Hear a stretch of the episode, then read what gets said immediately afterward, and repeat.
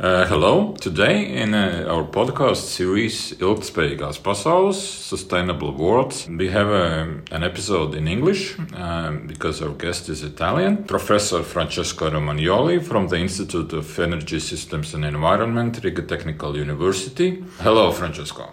Hello, Carlis. Hello, everybody. Could you maybe tell about yourself uh, a little bit, uh, your background and education and uh, how long have you been in Latvia? What do you like about Latvia? What are you missing from your home country, maybe? Oh, thank you, Carlis. Really nice question. My name is Francesco Romagnoli, as Carlis a few moments ago mentioned, and uh, I'm from Italy. I graduated uh, as environmental uh, engineering at the Polytechnic of uh, Turin in northwest side of uh, Italy. My background at uh, uh, such university in Italy was mostly oriented on geotechnical engineering. Once I moved here in, in Latvia, in the year 2008, I moved to other fields of interest, much more focused on the uh, sustainability assessment, evaluation uh, from a quantitative perspective of uh, the sustainability of mostly bio bioenergy system, and of course later on merge, let's say, these two main fields of interest on the uh, um, discipline of uh, disaster uh, resilience. So it is already since 2013 that I'm dealing with quantitative aspects of, let's say, resilience to disaster, more specifically of urban resilience, with an emphasis mostly on uh, energy infrastructure.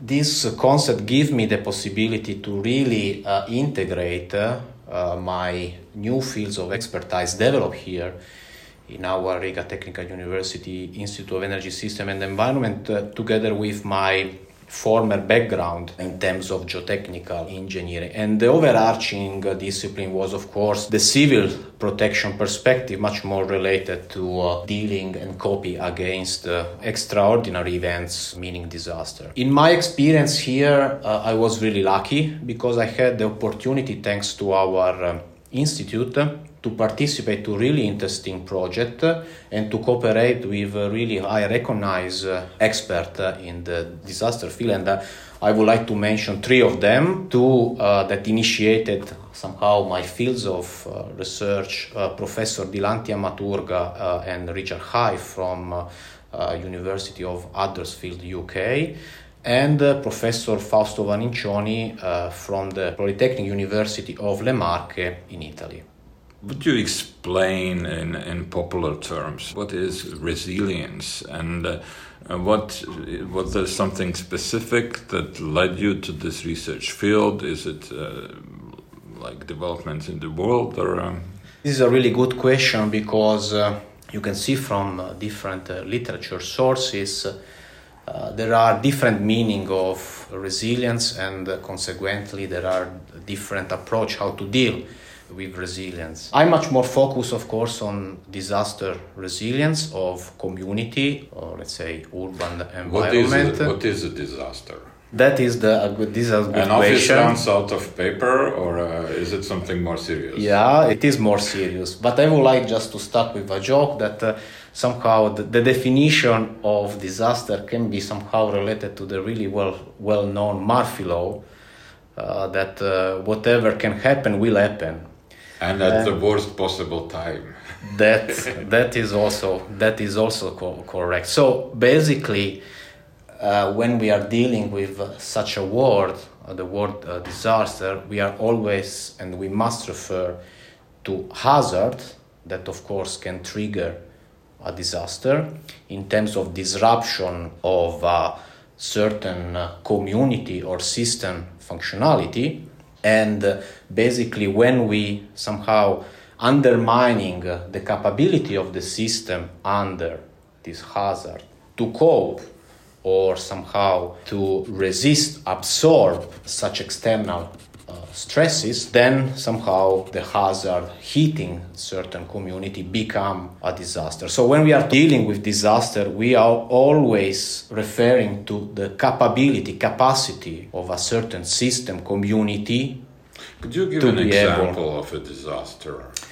Let's say just to maybe start, maybe not with huge disaster, but maybe I would say aspect related to uh, maybe resilience aspect. And one example it can be the eutrophication. The eutrophication is related to high intensive uh, uh, flows in water bodies of nutrients such as phosphorus, uh, nitrogen, potassium and the water bodies they have a certain level so a certain capacity or capability to uh, avoid that such nutrient but go in solution. That is a gradual process usually. That it? is a gradual process, but when of course the capability of the water body to somehow cope again the increase of such nutrient uh, that capacity, then we have uh, eutrophied water bodies with without the possibility to return back to the original system. Talking about disaster at a maybe more larger scale, a, a disaster like a flood uh, basically is dealing with uh, exceptional event related to the capability of a water body to uh, basically absorb potential higher amount of water ready. Basically, when hazard became a disaster, is when the system or uh, the people became vulnerable to, to such external stress without the capability to return back to the original uh, condition. Uh, you, uh, Francesco, mentioned uh, Ed Murphy. Uh, he, yeah. Everybody, I think, uh, most people are familiar with Murphy's Law. It's it is often true, not always. He was uh, an Air Force engineer in the United States, engineer just like you, Francesco. And his job was, if I may add, uh, to find weaknesses in systems in, uh, well, mainly airplanes, like yeah. where a, a, screw could uh, get uh, loose or, or fall in somewhere and, and, damage uh, the airplane. Yes, uh, that's quite interesting. The world needs engineers. I yes. think we don't have to argue about yes. that. Yeah. But I would like to interrupt here a bit because actually you mentioned a, quite a good point.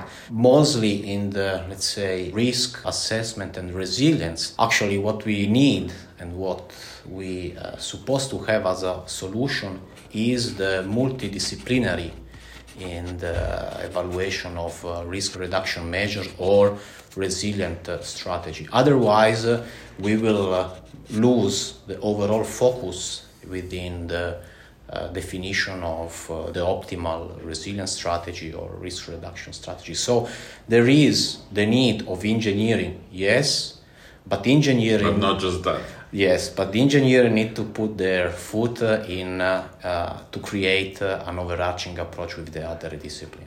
Is there an aspect of say uh, where sociologists or psychologists could contribute to this resilience assessment uh, like how much of this uh, resilience is infrastructure yeah. how much is society how much is i don't know different services? I would like to start to, let's say, highlight uh, the importance of the risk perception, and this is from much more uh, social uh, point. Uh, yeah, why resilience is topical? Why is it actual? And uh, this is, uh, of course, is not pretty, my. Pretty clear. as you, but... yes, as you mentioned, is is not my field, the social dimension, but of course, what we can say, this is as well for the flood risk. The more the people experience a certain hazard, the more they know how to react and consequently be resilient. I would like to mention like a study in cooperation with uh, the Polytechnic of University of Le Marche that uh, they made a questionnaire on risk perception in school, answer to what are you going to do if uh, there is flood in your city. How this uh, answer they were really changing, uh, and there was a really uh, good co- uh, correlation among those people that already experience a flood and those that need not. There was like some key example about uh, kids that uh, that they even answer, "What are you going to do when there is a flood?" And some of them they said, "I'm going out to swim in the flooded area." There is like evidence somehow social resilience can be strengthened if you experience, of course, a certain hazard. Of course, we cannot say that we should create the hazard because this is, of course, impossible.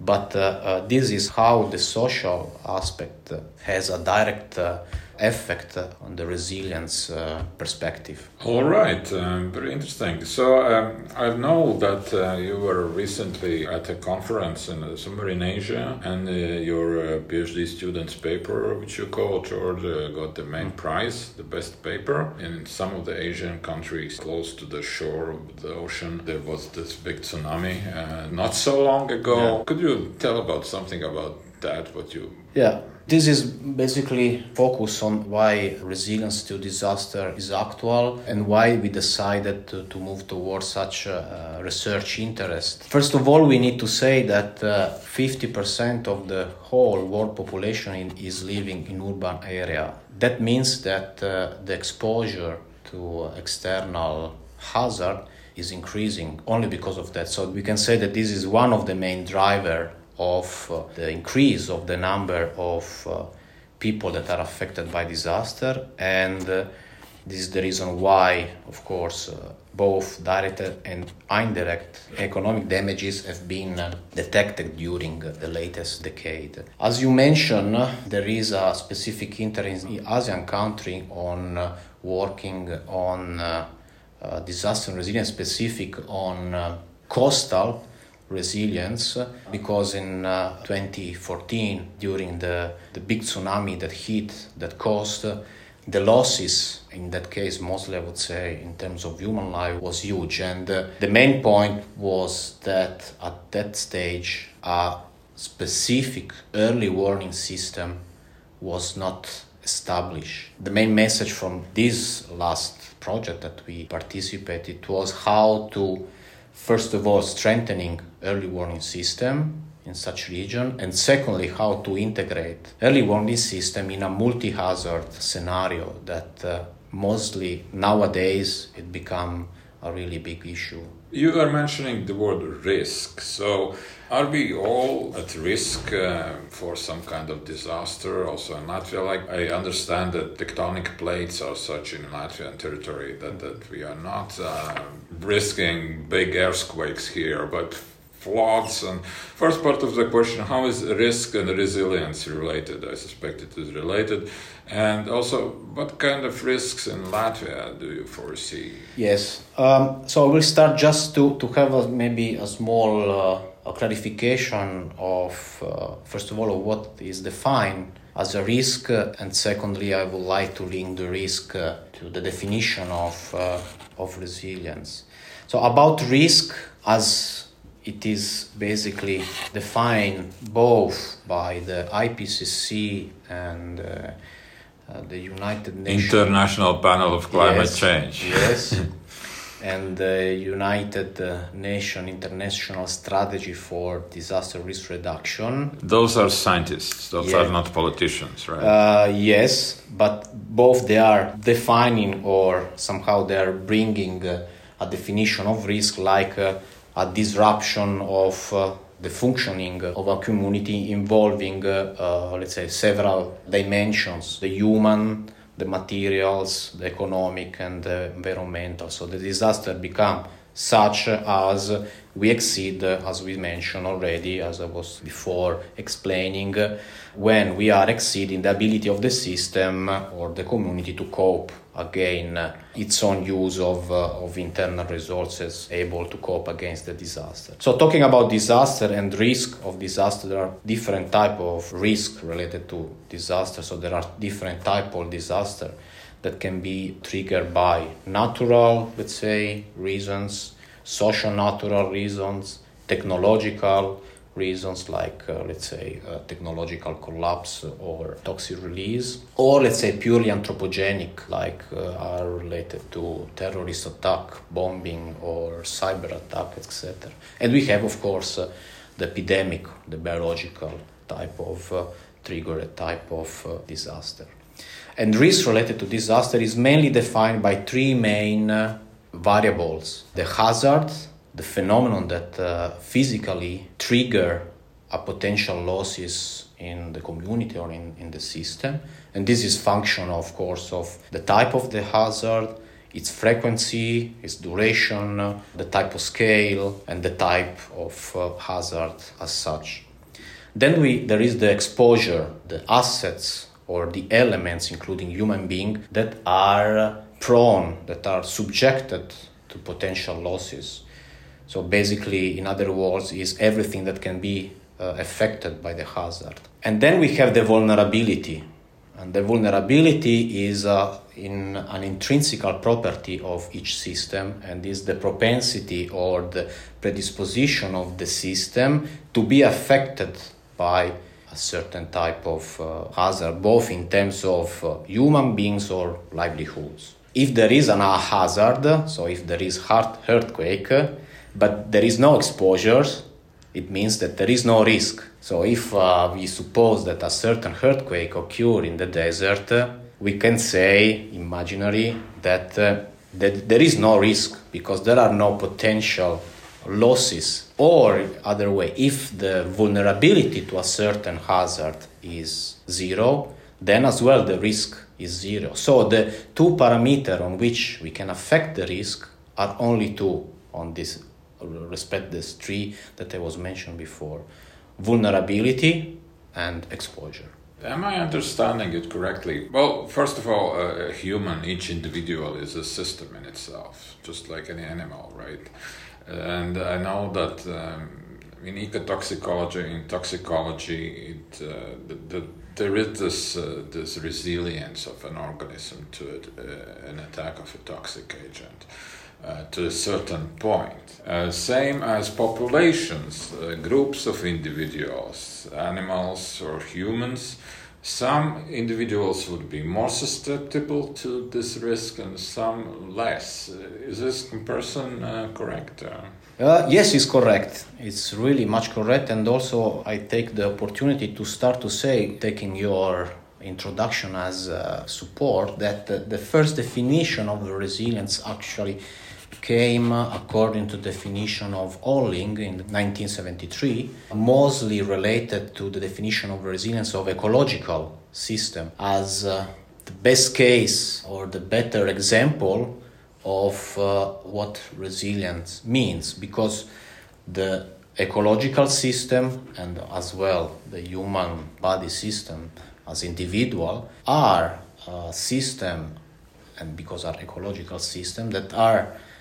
much more uh, resilient than any type of other engineering type of system because uh, engineering type of system they are much more focused on uh, resist rigidly to an external stress. They do not have uh, a really wide adaptation type of, uh, so of capability. a disaster seeks the weakest point. Yes because of course uh, are we always talking about vulnerability of the system that uh, uh, is hit by a certain type of, of hazard.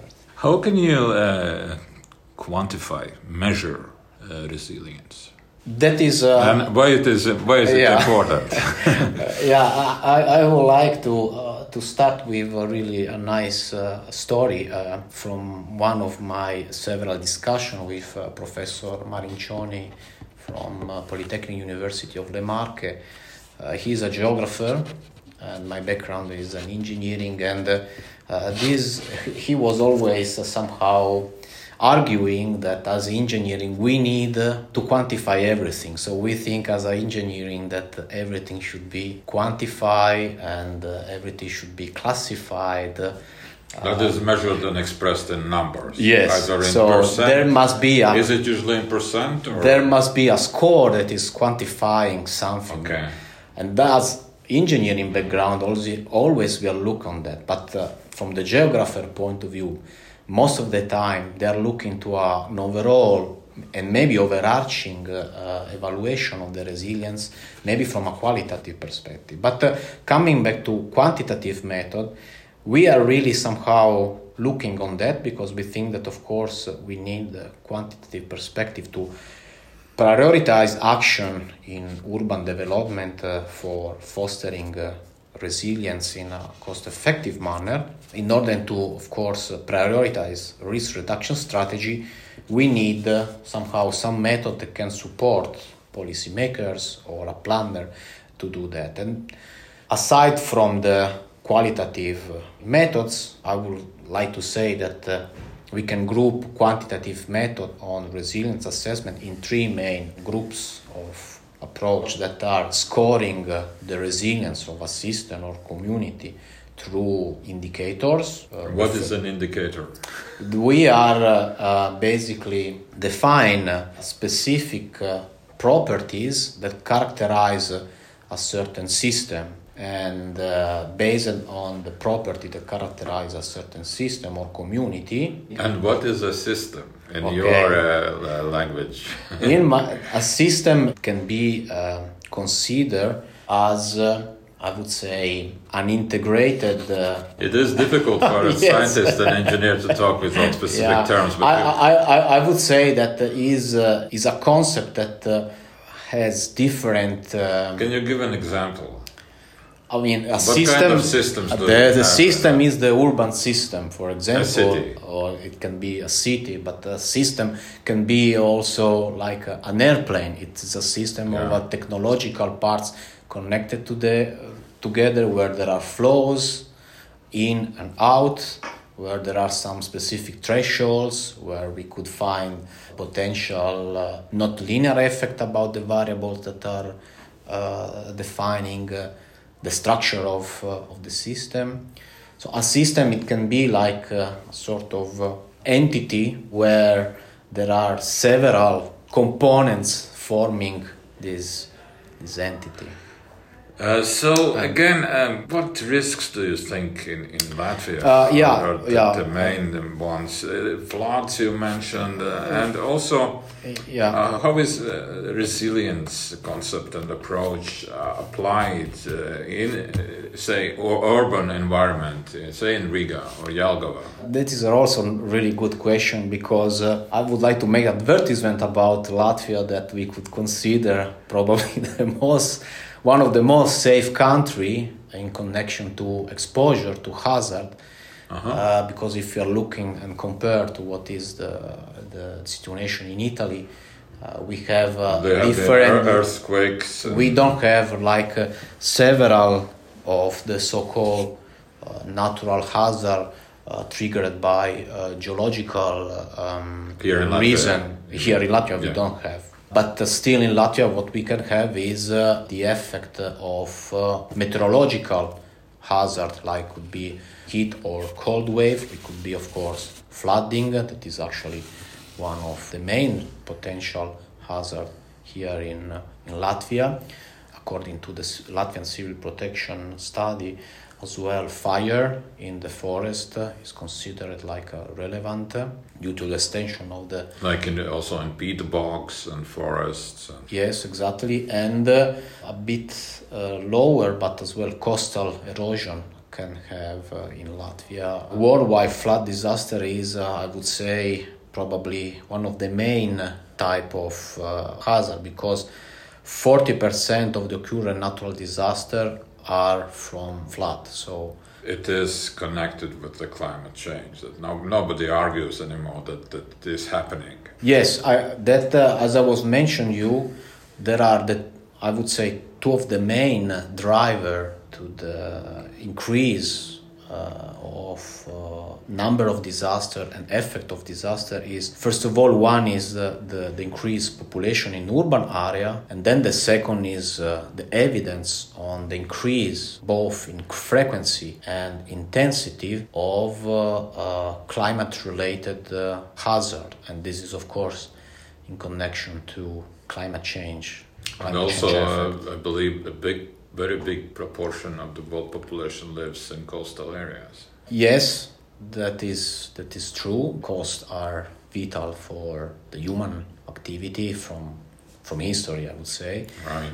And for this reason, of course, and take into account also that there are many of urban uh, uh, megalopoly developed in coastal region, it's correct to say that, of course, uh, there is higher risk for such type of urban uh, areas. Now, uh, something that everybody is uh, thinking, talking about right now, and have been for the past half year, it's uh, COVID-19 pandemic. How can resilience concepts and, and research you do, maybe, approaches that you use, help in this regard? I would say that uh, here, maybe just to simplify, we should maybe look uh, resilience in the risk definition uh, and mostly in connection to the vulnerability. So we could say and we could see resilience uh, as the inverse of the vulnerability, just a simplified vision. But we can say that uh, the more a community resilient, uh, the less is is vulnerable. And uh, as in terms of that perspective, uh, the vulnerability can be uh, decreased with a higher risk perception from the population. And uh, we've seen every day how different is, uh, and I see also in Italy where the, the, the pandemic uh, effect has been large, how different people still thinking in a different perspective about the real risk of COVID for, of course, different reason because, of course, they, they are encountering really high economic losses. But uh, nevertheless, this is some, somehow uh, creating an obstacle for properly overpass this uh, pandemic period, maybe in a, in a faster and uh, maybe uh, less impactful way. So I would say that uh, risk perception is one point how we can increase resilience properly. And of course, uh, the governmental institution should mostly support on that, creating like a clear vision for, for the, the whole community about that. So, from I understand that from risk and resilience, uh, this may not be the last pandemic. It will most likely not be the last pandemic in our lifetimes. Unfortunately, it probably the society will be more ready towards the risk of pandemics in the future? It's a good question. I think, and I and I hope that for our generation, this it will be the last uh, pandemic that we are well, going to yeah, experience. The, the, last really big one was in the beginning of the twentieth yes, century. the Spanish one. But I think that the main message somehow that we can say for future generation about uh, the meaningful of being resilient is that uh, individual matter matters. So the, the importance of action of each individual has an effect on uh, increasing the resilience of the whole community. I want just to mention that this is somehow inside the so-called panarchy uh, theory, there is the idea that uh, several adaptive cycles at different scale can uh, trigger effect from really small scale till larger scale, the so-called butterfly effect. So the first thing is that I would like to say that individual matters. This is the first message. And the second is that we need to find the proper mix between uh, the social aspect of each individual, so the, the real human relationship and the connection with technology development. Because without technology, of course, uh, we will have a much more vulnerable system.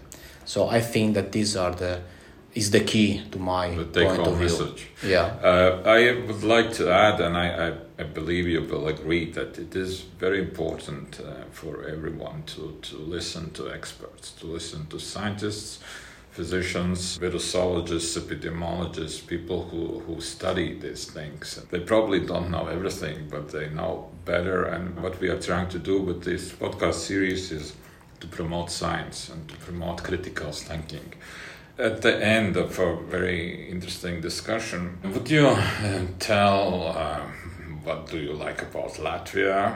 What do you miss from back home in Italy? I know you are a fanatic of Roma Football Club. Uh, so yeah, something about that. Okay, let's let's start from uh, what I like here in uh, in Latvia. The first thing that I like uh, is is the nature. The, there is incredible wild nature, uncontaminated nature, and uh, the biodiversity here in Latvia, I think it's one of the highest in, in, in Europe. and I'm from mountain place, so I can somehow feel. But we have no mount- mountains. We don't have mountains, but we, have, nature. No volcanoes. we don't have volcanoes. So what what I like is this uh, the the nature that uh, it's uh, it's really rich and uh, and, and contaminated in several uh, in several in several places. Second things that uh, I like is uh, a different type of uh, life understanding, uh, respect uh, the the somehow what is normally. That's very interesting. I, I, I'm under this impression that Yeah. Italians are very jovial, very happy people. and uh, but that is uh, that is of course like that but uh, what then I, I I I miss from Italy is somehow the possibility to freely enjoy uh, some uh, pasta alla matriciana or or uh, somehow some Italian specialty You're everywhere about cuisine now? yes I'm talking about cuisine But we have pasta. We have we some have kind pasta. of pizza. We have pasta, but of course sometimes I, I, I miss like some. Uh, there are many good Can Italian you find, uh, without advertisements, can you find good pizza in Latvia? there are a couple of places good. And how many pasta types do you know? Uh, Okay, we'll leave that Yeah. for the next time. Uh, thank you, Francesco. We were talking with uh, uh, Professor Francesco Romagnoli from the Institute of Energy Systems and Environment uh, of Riga Technical University. My name is Carlos Walters. I am an assistant professor uh, at, at this very same institute. This is a current episode of uh, Ilgtspējīgās pasaules, Sustainable Worlds uh, podcasts, which you can access in uh, different uh, platforms. Thank you for listening and uh, have a good day. Thank you, everybody.